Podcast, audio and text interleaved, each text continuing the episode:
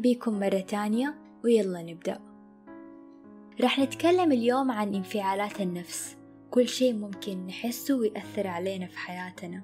حيكون الطرح عبارة عن خليط بين آراء الديكارت وأجوبة لتساؤلات في بالنا عشان نطلع منها فهم أكبر لذواتنا. وتكون بالنسبة لنا إدارة المشاعر موضوع سهل التحكم فيه. نحتاج نفهم انفعالاتنا عشان نسمح لعقلنا إنه يسيطر عليها ويسخرها لخدمتنا. وعشان نفهم شيء معقد زي النفس البشرية وانفعالاتها نحتاج نرجع كل الأشياء لأشكالها البدائية عشان يسهل علينا فهمها وتصنيفها. لكن إحنا في رحلة التفكير دي نحتاج نفتكر دايما إنه حريتنا اللي نبغى نكتسبها للتصرف في انفعالاتنا هدفها إننا نسيطر على الانفعالات دي مو نكبتها ونلغيها. عشان كل انفعالاتنا أصلها جيدة وما فيها من السوء إلا طريقة استخدامنا ليها في بعض الأحيان.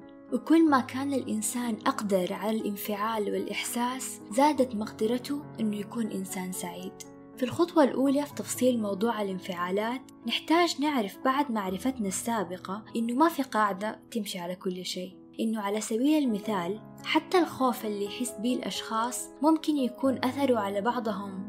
شجاعة وإقدام زي المبادرة بالهجوم وأثروا على البعض التاني مجرد دفاع زي إنه أحد يغطي وجهه عشان يتفادى ضربة. وكله راجع للطريقة اللي بيشتغل فيها دماغ كل واحد فيهم والتفاصيل المتعلقة بالاستجابة زي الغدد وحتى قاعدتهم المعرفية وطفولتهم وبنيتهم الجسدية إذا كنا بنتكلم عن موقف عنف جسدي. طيب إيش اللي ما بيخلينا نقدر نتحكم بشكل كلي في كل انفعالاتنا؟ عشان الأشياء الأساسية اللي بتتحكم فيها هي الجسد والنفس ونحتاج نلاحظ مصادر المشاعر دي واستمرارها قبل أي شيء.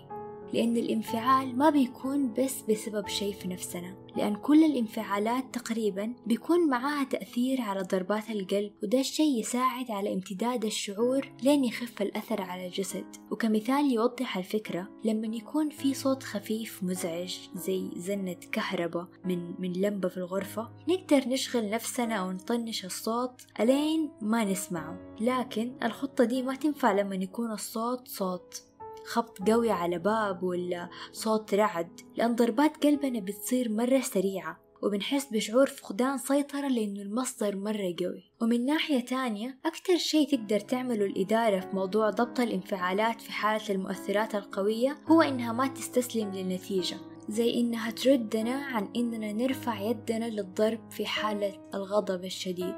لكن فكرة إننا نكون ضعاف للدرجة إننا نخلي انفعالاتنا تتحكم بينا. خلينا نعتبرها رفاهية غير متاحة في بعض الحالات وفي حالات تانية رح يترتب عليها ضرر في المستقبل. ونقدر نقيس قوة نفوسنا وضعفها في المواقف. نشوف إحنا إيش بنسوي. هل بنقدر نمسك نفسنا ولا دايما كل الأمور عندنا مفلوتة وما نقدر نلمها؟ طيب إيش هي الأسباب الأولى للانفعالات؟ نقدر نقول إن السبب الأخير والأقرب لانفعالات النفس ما هو غير تهيج في غدد صغيرة في الدماغ. بس المعرفة دي مو كفاية عشان نقدر نميز بين الانفعالات هذه وعشان كده نحتاج نبحث عن المصدر للانفعالات هذه ونفحص الأسباب الأولى. مع إنه أحيانا بتتلاقى في المخ هذه الانفعالات وده اللي بيصير لما فجأة نحس إنه إحنا سعداء أو نحس بتعاسة. بدون ما نكون قادرين نفسر الموضوع بشكل منطقي وما راح نلقى أجوبة لزي دي المواقف لين نحلل كل انفعال وكيف مخنا بيتعامل معاه ويشوفه. وفعليا انفعالاتنا بسيطة وبدائية وعددها مو كبير. في وجهات نظر مختلفة للانفعالات لكن اليوم حناخدها أو نبحث فيها من منظور الخير والشر. والانفعالات الستة الأساسية هي التعجب الحب الكره والرغبة والفرح والحزن. وكل الانفعالات التانية اللي نعرفها وتمر علينا ما هي إلا انفعالات تتكون من كذا انفعال من الانفعالات الأساسية بشكل مركب أو إنها تكون أنواع مختلفة لنوع من الانفعالات دي. رح نبدأ بالتعجب. هو مفاجأة سريعة للنفس بسبب الانطباع المرسوم في مخنا إنه الشيء ده نادر ويستاهل ده الاعتبار أو إعجابنا بيه أو الانفعال اللي نسويه في ديك اللحظة. وده الشعور يخلي مخنا يميل أكتر إنه يحفظ التفاصيل. وقلنا إنه الموضوع يختلف حسب الانطباع لأنه يختلف حسب الشخص. ممكن مثلا توري شخص في العشرينات حاليا آه، روبوت بتقنيات تحاكي الذكاء البشري وما يكون في قمة التعجب لأنه مثلا شاف أو قرأ عن أشياء مشابهة وهو مهتم بمتابعة الأخبار التقنية. بس حتكون ردة فعل رجل في أواخر العمر أو طفل من قرية ما فيها وسائل تواصل مختلفة جدا. ولما نكون في حالة تعجب ودهشة يحصل لنا شيء أشبه بأنه كل طاقة الجسم بتنسحب من العضلات وتتركز في المخ. ما كأننا حاسين بجسمنا أو جسمنا جامد. ولما نكون في حالة تعجب ودهشة يحصل لنا شيء أشبه بأنه كل طاقة الجسم بتنسحب من العضلات وتتركز بالمخ وما كأننا حاسين بجسمنا أو كأن جسمنا جامد. وعشان كده نقدر نقول إنه من أهم الأشياء اللي نحصل عليها لما نكون ما زلنا قادرين على الدهشة هذه إنه مخنا يساعدنا جدا بالذاكرة فولاذية وملاحظة مرة كويسة تثري عقلنا بمعلومات جديدة. وبكذا نقدر نقول إنه إنه كل شخص ما يقدر يوصل للدهشة هو شخص يستحق الشفقة. لأنه محروم من مشاعر رهيبة وعالم لا نهائي من الجمال. طيب الحب والكراهية. الحب هو شعور جذب الأرواح لكل شيء تظن إنه خير ليها وتبغاه قريب منها وينتمي ليها. والكره هو شعور الروح نفسها ورغبتها في إبعاد كل شيء تعتقد إنه شر. وأنواع الحب أكثر من القدرة على حصرها لكن في النهاية تلتقي في نقاط متشابهة. لكن الكره ما نقدر نميز أنواعه زي الحب لأننا ما ننتبه بالعادة للفرق بين المساوئ اللي بعدنا عنها لكن دائما نركز على الفرق بين الخيرات اللي حصلنا عليها وجعلناها تنتمي لينا أو ننتمي ليها. الرغبة الرغبة هي شعور أو انفعال النفس وطلبها للأشياء اللي تشوفها مناسبة ومن ناحية الخير والشر حتكون إما رغبة لدوام خير أو رغبة لغياب شر. الفرح. الفرح هو انفعال النفس ومتعتها لتحقيق الرغبات. الرغبات اللي إحنا قلنا إنه هي يا حتكون رغبة في حصول خير أو بعد شر عنها. والحزن هو الانزعاج من عدم تحقق الرغبات. بدا الشكل صنفنا الانفعالات بشكل أولي جدا بدون أي تعقيد.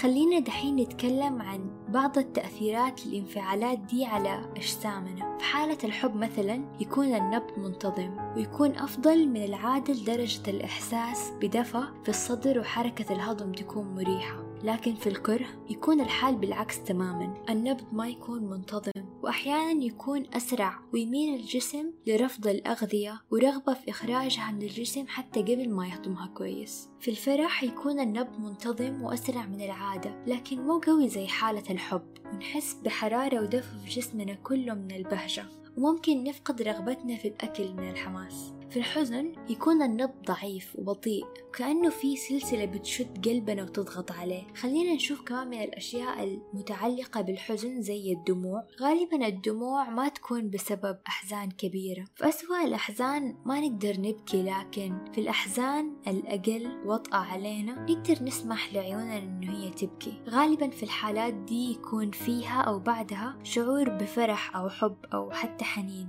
لكن بشكل أدق إحنا بنبكي لما القلب بيدفع كمية مرة كبيرة من الدم في الشرايين. والحزن العميق يكون سبب في برودة الدم وضيق المسام في العين. وعشان كده ما نقدر نبكي في الحالات دي. وده هو السبب نفسه اللي يخلي الصغار والكبار في السن يبكوا بسهولة. وكمان لأنهم غالبا تحت تأثير عاطفة قوية. والموضوع ينطبق على كل الأشياء اللي ممكن نشوفها زي رشفة الخوف وحمار الوجه والتنهيدات. كلها علامات نفهم منها حقيقة الانفعال وطريقة ارتباط الجسد بالنفس. طيب خلينا نتكلم دحين عن الانفعالات المركبة زي الغيرة مثلا. الغيرة عبارة عن تخوف ليه علاقة بالرغبة في تملك خير معين. يعني الغيرة هي عبارة عن خوف ورغبة في الوقت نفسه والغيرة ما تيجي من قوة الأسباب اللي تخلينا نعتقد إننا حنخسر الشيء ده قد ما إنه سببها تقديرنا للخير اللي نملكه. وده اللي يخلينا نتفحص أصغر الأشياء وأقل المواضيع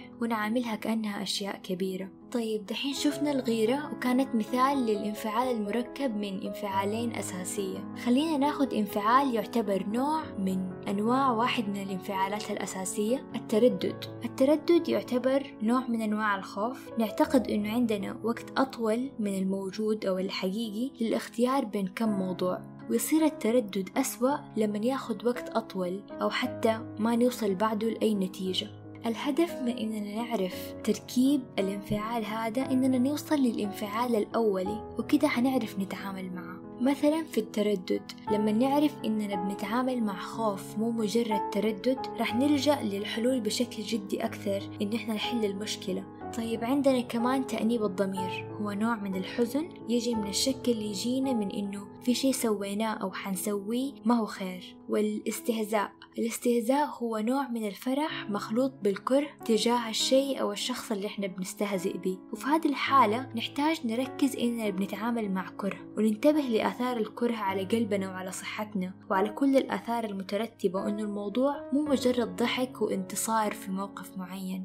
طيب إيش تلخيص كل اللي قلته اليوم؟ نحتاج نفهم نفسنا عشان تصير حياتنا أسهل. من أهم الأشياء اللي نقدر نفهم بيها نفسنا هي انفعالاتنا. وعشان نفهم الانفعالات دي نوصلها أول شيء لصورتها الأولية. ونشوف كل صورها على نفسنا وجسدنا عشان نعرف نصنفها. وإذا كان الشعور مركب نرجعه لأصله عشان نعرف نتعامل معه. وفي النهاية أتمنى أنه يكون الموضوع عجبكم ويكون مفيد ليكم. آه إذا تعرفوا أحد حيستفيد من الموضوع please شاركوه معه. وإذا عجبكم المحتوى لا تنسوا تنشروه تدعموني ب like. وبتقييم في Apple Podcast لأنه ده بيزيد من دائرة المستمعين. وشكرا لكم